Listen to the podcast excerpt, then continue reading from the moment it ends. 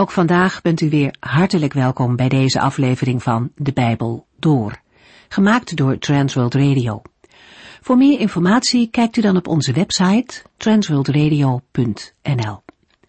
In deze serie gaat u in vijf jaar tijd met ons de Bijbel door, van Genesis 1 tot en met het laatste vers in Openbaring 22. Het is vandaag alweer de laatste keer dat we kijken en luisteren naar 2 Korintiërs.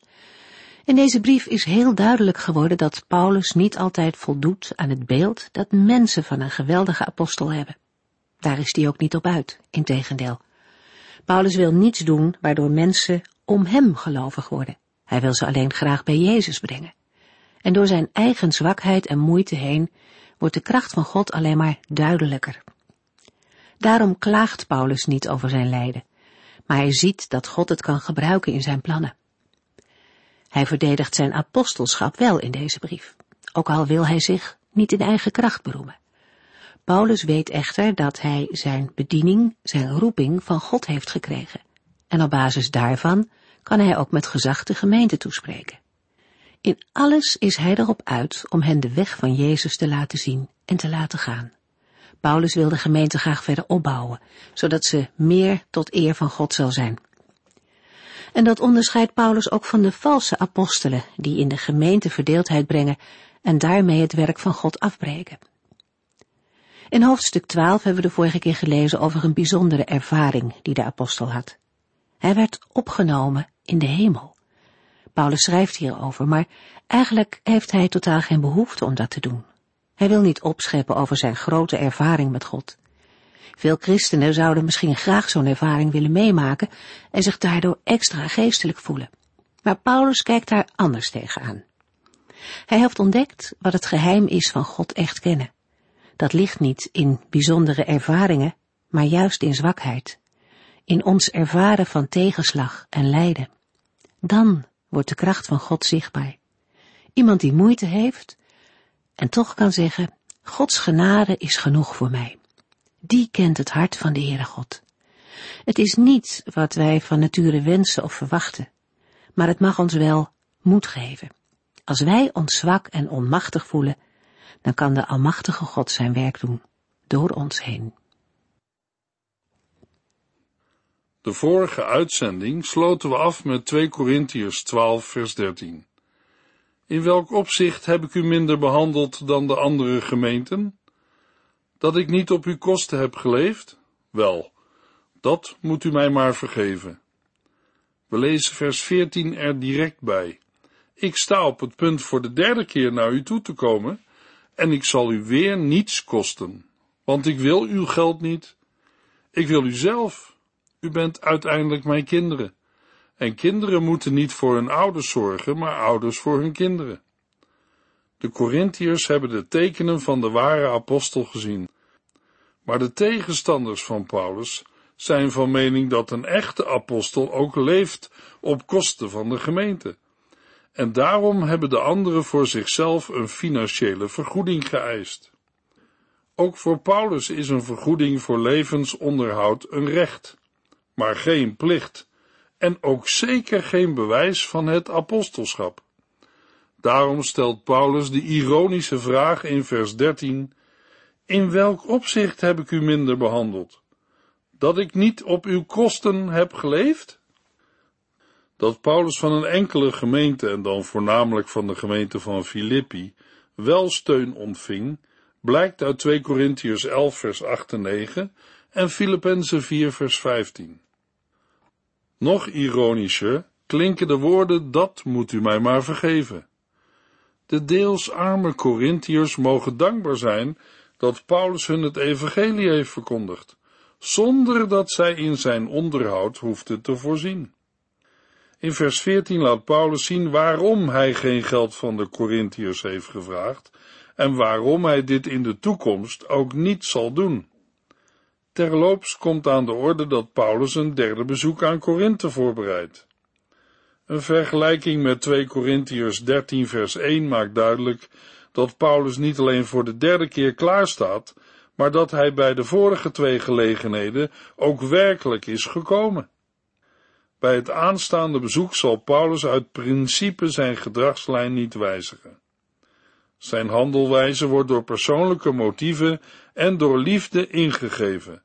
Want ik wil uw geld niet, ik wil u zelf. Paulus' interesse gaat niet uit naar de bezittingen van de Corinthiërs, maar naar hun hart, om dat voor Christus te winnen. Dan volgt een algemene waarheid die de Corinthiërs ervan moeten overtuigen, dat Paulus' handelwijze geen afbreuk doet aan zijn apostelschap, maar juist de bekroning daarvan is. Paulus mag zichzelf de geestelijke vader van de gelovigen van Korinthe noemen. De Corinthiërs hoeven een liefhebbende geestelijke vader niet te onderhouden. Alles wat de apostel de Corinthiërs heeft gegeven, bestaat niet in geld. Het gaat om de geestelijke rijkdom die de Corinthiërs van Paulus hebben ontvangen en nog zullen ontvangen. 2 Corinthiërs 12 vers 15 Ik zal heel graag mezelf en alles wat ik heb geven voor uw welzijn. Al lijkt het erop dat hoe meer ik u lief heb, des te minder ik door u geliefd word. Paulus wil niet alleen zijn bezittingen, maar ook zijn leven voor hen geven. 2 Corinthiërs 12 vers 16 Dat moet dan maar. Ik ben u nooit te veel geweest, omdat ik met inzicht te werk ga. Heb ik u ook met inzicht voor Christus gewonnen. Naast de beschuldiging dat Paulus geen echte apostel is, omdat hij geen vergoeding heeft gevraagd, komt in vers 16 nog een beschuldiging aan het licht. Paulus' tegenstanders doen kennelijk alles om hem verdacht te maken. De tegenstanders moeten toegeven dat Paulus zelf geen geld heeft gevraagd van de Corinthiërs. Maar hoe staat het met de medewerkers van Paulus? En hoe staat het met de grote geldsom van de collecte? Zou Paulus er niet alsnog met het geld vandoor gaan? Paulus neemt in dit vers de beschuldiging van zijn tegenstanders over, om haar vervolgens te weerleggen. Dan volgt de nieuwe beschuldiging. Paulus zou, om vertrouwen te wekken, in eerste instantie geen geld hebben gevraagd. Maar nu legt hij, via zijn medewerker Titus, en door middel van de collecte voor de verarmde gemeente in Jeruzalem, toch beslag op de bezittingen van de gelovigen. 2 Korintiërs 12 vers 17 en 18 Maar vertel mij dan eens hoe. Hebben de mannen die ik heb gestuurd u ook maar iets gekost? Ik heb Titus en die andere broeder gevraagd naar u toe te gaan. Hebben die soms hun eigen voordeel gezocht? Hebben zij en ik niet in dezelfde geest gehandeld en volgen wij niet dezelfde weg? Paulus verdedigt zich tegen deze beschuldiging met een aantal retorische vragen. Paulus gebruikt geen slimme trucjes. Hij verkondigde het woord van God. Hij stuurde geen andere medewerkers naar Korinthe om voordeel op hen te behalen of er zelf beter van te worden. Paulus heeft Titus juist daarom niet alleen naar Korinthe gestuurd, om iedere verdachtmaking in verband met de opbrengsten van de collecte te voorkomen. In 2 Korintiërs 8 vers 22 noemt Paulus naast Titus zelfs twee broeders. Kennelijk heeft hij in vers 18 maar één van beide op het oog. 2 Korintiërs 12 vers 19 en 20 U denkt nog steeds dat wij ons tegenover u willen verdedigen. Maar het is ons erom te doen dat uw geloof versterkt wordt. Daarom zeggen wij deze dingen in gemeenschap met Christus voor God. Want ik ben bang dat ik, als ik bij u kom, u niet zo zal vinden als ik graag zou willen. Mijn optreden zal u dan ook ongewenst voorkomen. Ik ben bang haat en nijd onder u te vinden, woede-uitbarstingen, rivaliteit, achterbaksheid, roddel en hoogmoed. Kortom, één grote verwarring. De gelovigen van Korinthe kunnen bij het voorlezen van deze brief de indruk hebben gekregen dat Paulus opnieuw bezig is zichzelf te verdedigen om zijn eigen positie en gezag veilig te stellen. Maar dat is niet het geval. Het gaat Paulus om de opbouw van de gemeente. Maar als de gemeente hem niet als apostel erkent, en daarmee zijn waarschuwingen, vermaningen en onderwijs van de hand wijst, zal zij snel in de macht van de valse apostelen vallen, die haar van Christus zullen losmaken. Met een plechtige verzekering roept Paulus het beeld op van het staan voor de rechterstoel van de Heer. Alles wat Paulus zegt, wordt door hem gehoord en op waarheidsgehalte getoetst. Bovendien spreekt Paulus vanuit zijn geloofsverbondenheid met Christus. Paulus' woorden worden door hem geïnspireerd. Daarom is deze brief ook voor de onderlinge opbouw van de gemeente. Die opbouw is hard nodig, want van verdere levensheiliging is tijdens de activiteit van de valse apostelen niet veel terechtgekomen. Paulus is bang dat hij de Corinthiërs niet zo zal vinden als hij graag wil, en omgekeerd, dat hij door de Corinthiërs niet zo gevonden zal worden als zij willen.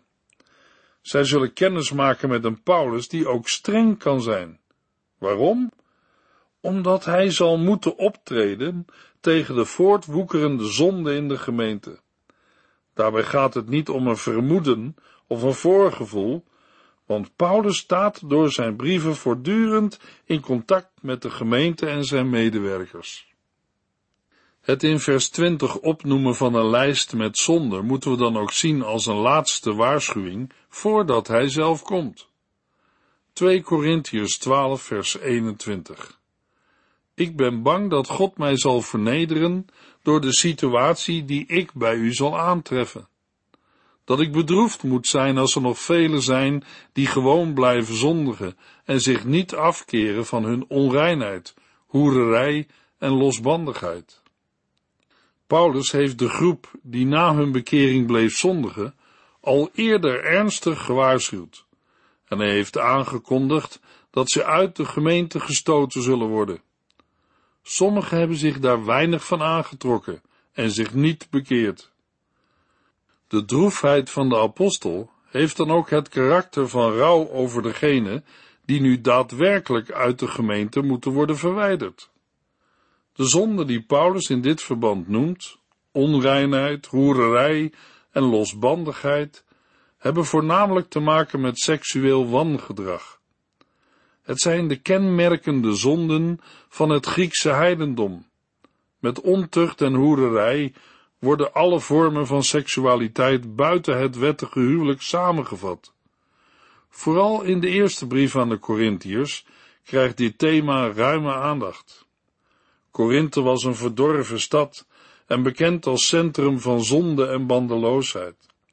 Het was de stad waar mensen heen gingen om zich uit te leven en de bloemetjes buiten te zetten. Zo'n leefwereld en de daarbij passende levensstijl had invloed op sommige gelovigen in de gemeente van Korinthe.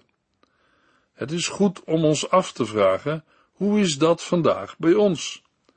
Worden wij beïnvloed door de wereld en de mensen om ons heen? Door hun levensstijl en opvattingen?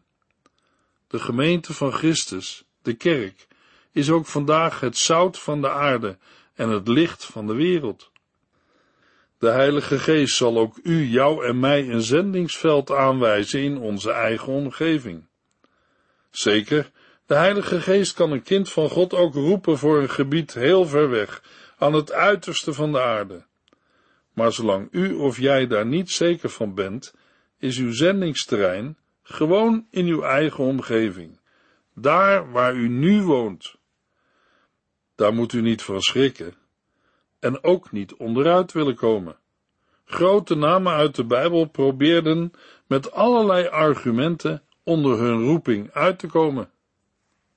Ik kan niet praten, ben te jong, heb er niet voor geleerd en ik ben nog niet zo lang bij de kerk, zijn wel de meest gebruikte argumenten. Maar met alle eerbied, de Heere laat zich door onze menselijke argumenten niet afbrengen van zijn doel, de redding van zijn schepping. Hij heeft besloten dat al zijn kinderen bij dat reddingsplan mogen en moeten helpen. Daartoe heeft de Heere de Heilige Geest uitgestort. Geen christen hoeft meer tegen de Heere te zeggen, ik kan het niet. Wat denkt u dat de Heere voor antwoord zal geven? De Heere zal zeggen, dat weet ik al lang, Daarom mag er niemand op pad zonder de Heilige Geest. Daar moesten de eerste leerlingen van Jezus op wachten, maar wij ook. In de eerste Korinthebrief hebben we gelezen dat de Heere zijn gave geeft aan zijn gemeente. Iedere volgeling van Christus ontvangt minimaal één gave en de meeste wel meer dan één. Welke gave mag u en jij inzetten op je eigen zendingsveld? Wij kunnen de mensen niet overtuigen. Dat vraagt de Heer ook niet. De Heer Jezus zegt in Johannes 16, vers 8 en 9, en wanneer Hij, de Heilige Geest, komt, zal Hij de mensen in de wereld overtuigen van zonde, rechtvaardigheid en oordeel. Van zonde omdat zij weigeren in mij te geloven.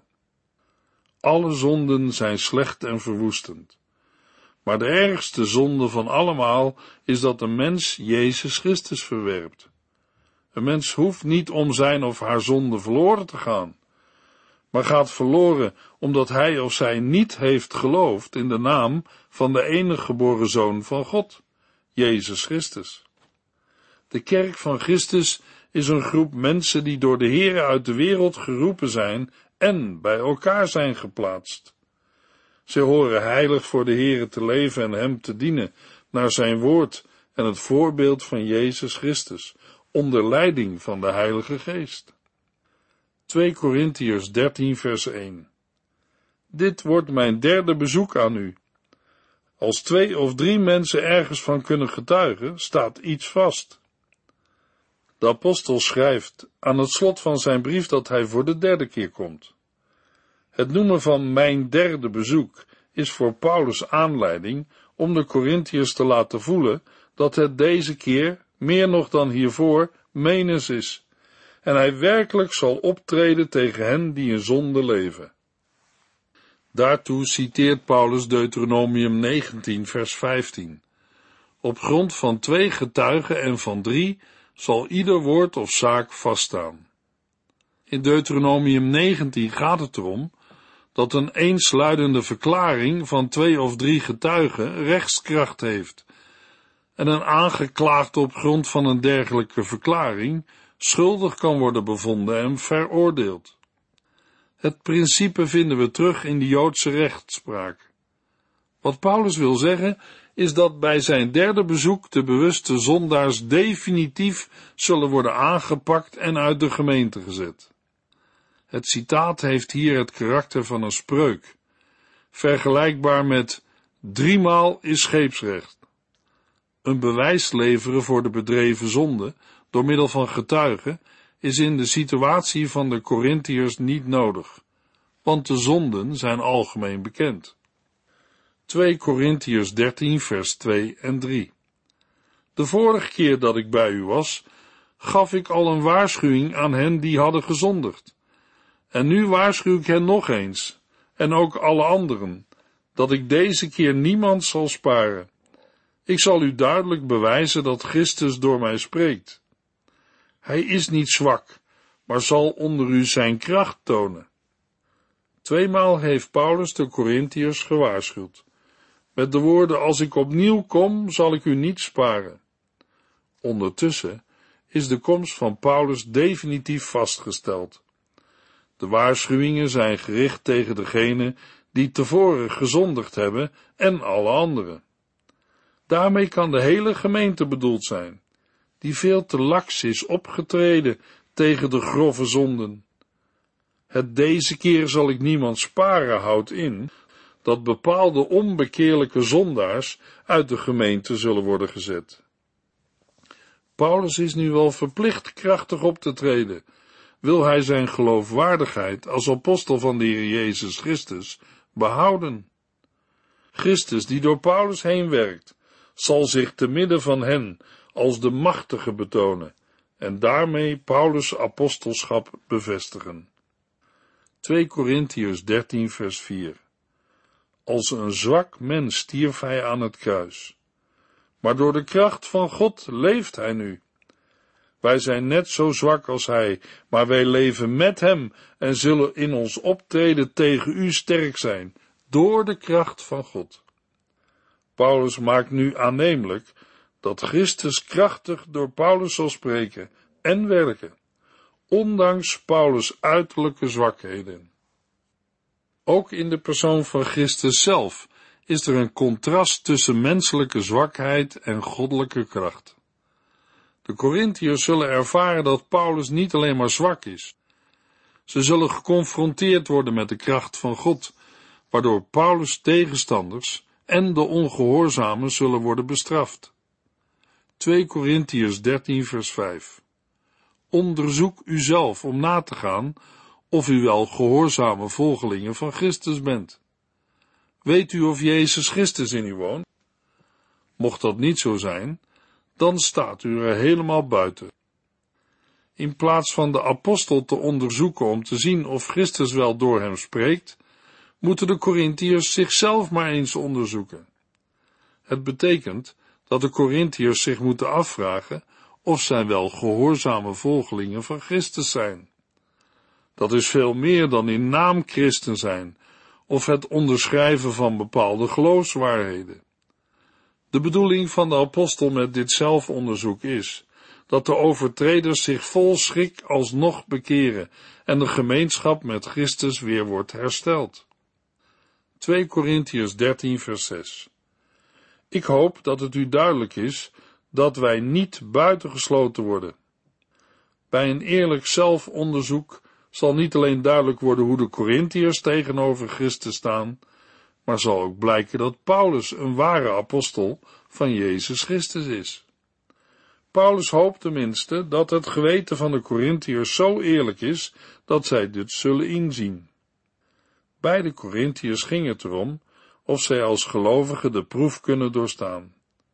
Bij Paulus gaat het erom om de echtheid van zijn apostelschap. Hij hoopt dat de Corinthiërs in hun hart en openlijk zullen erkennen dat hij de kenmerken heeft van een ware apostel van Jezus Christus, in tegenstelling tot de schijnapostelen, die deze proef niet kunnen doorstaan.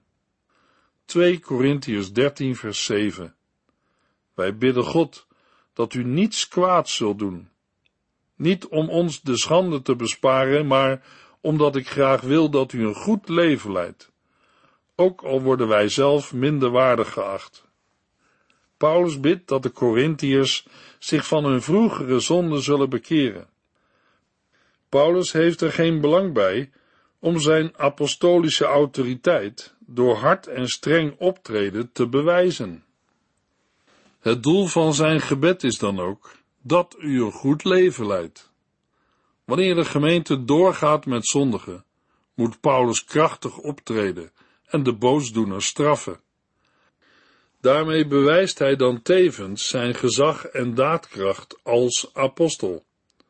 Als de gemeente zich bekeert, is een dergelijk optreden niet nodig, maar dan blijft het apostolisch gezag van Paulus ook onbewezen. De echtheid van Paulus' apostelschap rust op Gods roeping en op Gods beoordeling. 2 Korintiërs 13 vers 8 Ik kan niet tegen, maar alleen voor de waarheid strijden.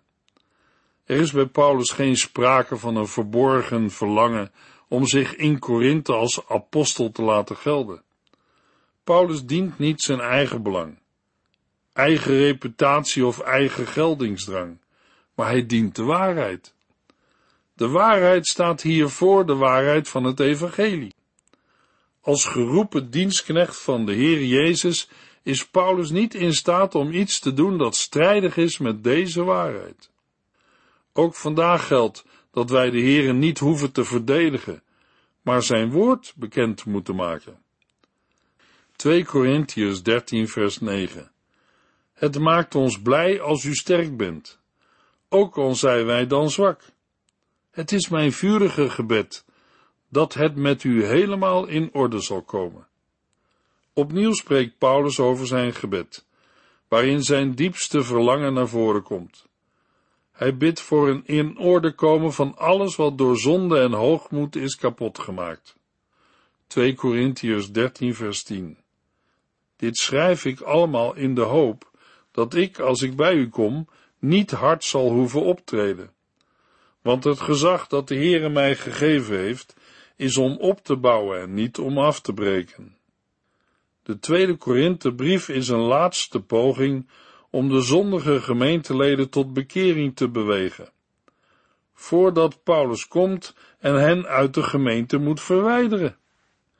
De gemeente wordt gezien als een bouwwerk, waaraan door de apostelen wordt gebouwd. 2 Korintiërs 13 vers 11 tot en met 13. Ik wil mijn brief met deze woorden besluiten. Wees blij, laat alles in orde komen, houd mijn woorden in gedachten. Leef in vrede en harmonie met elkaar en de God van liefde en vrede zal bij u zijn. Groet elkaar met de heilige kus. Alle gelovigen hier groet u.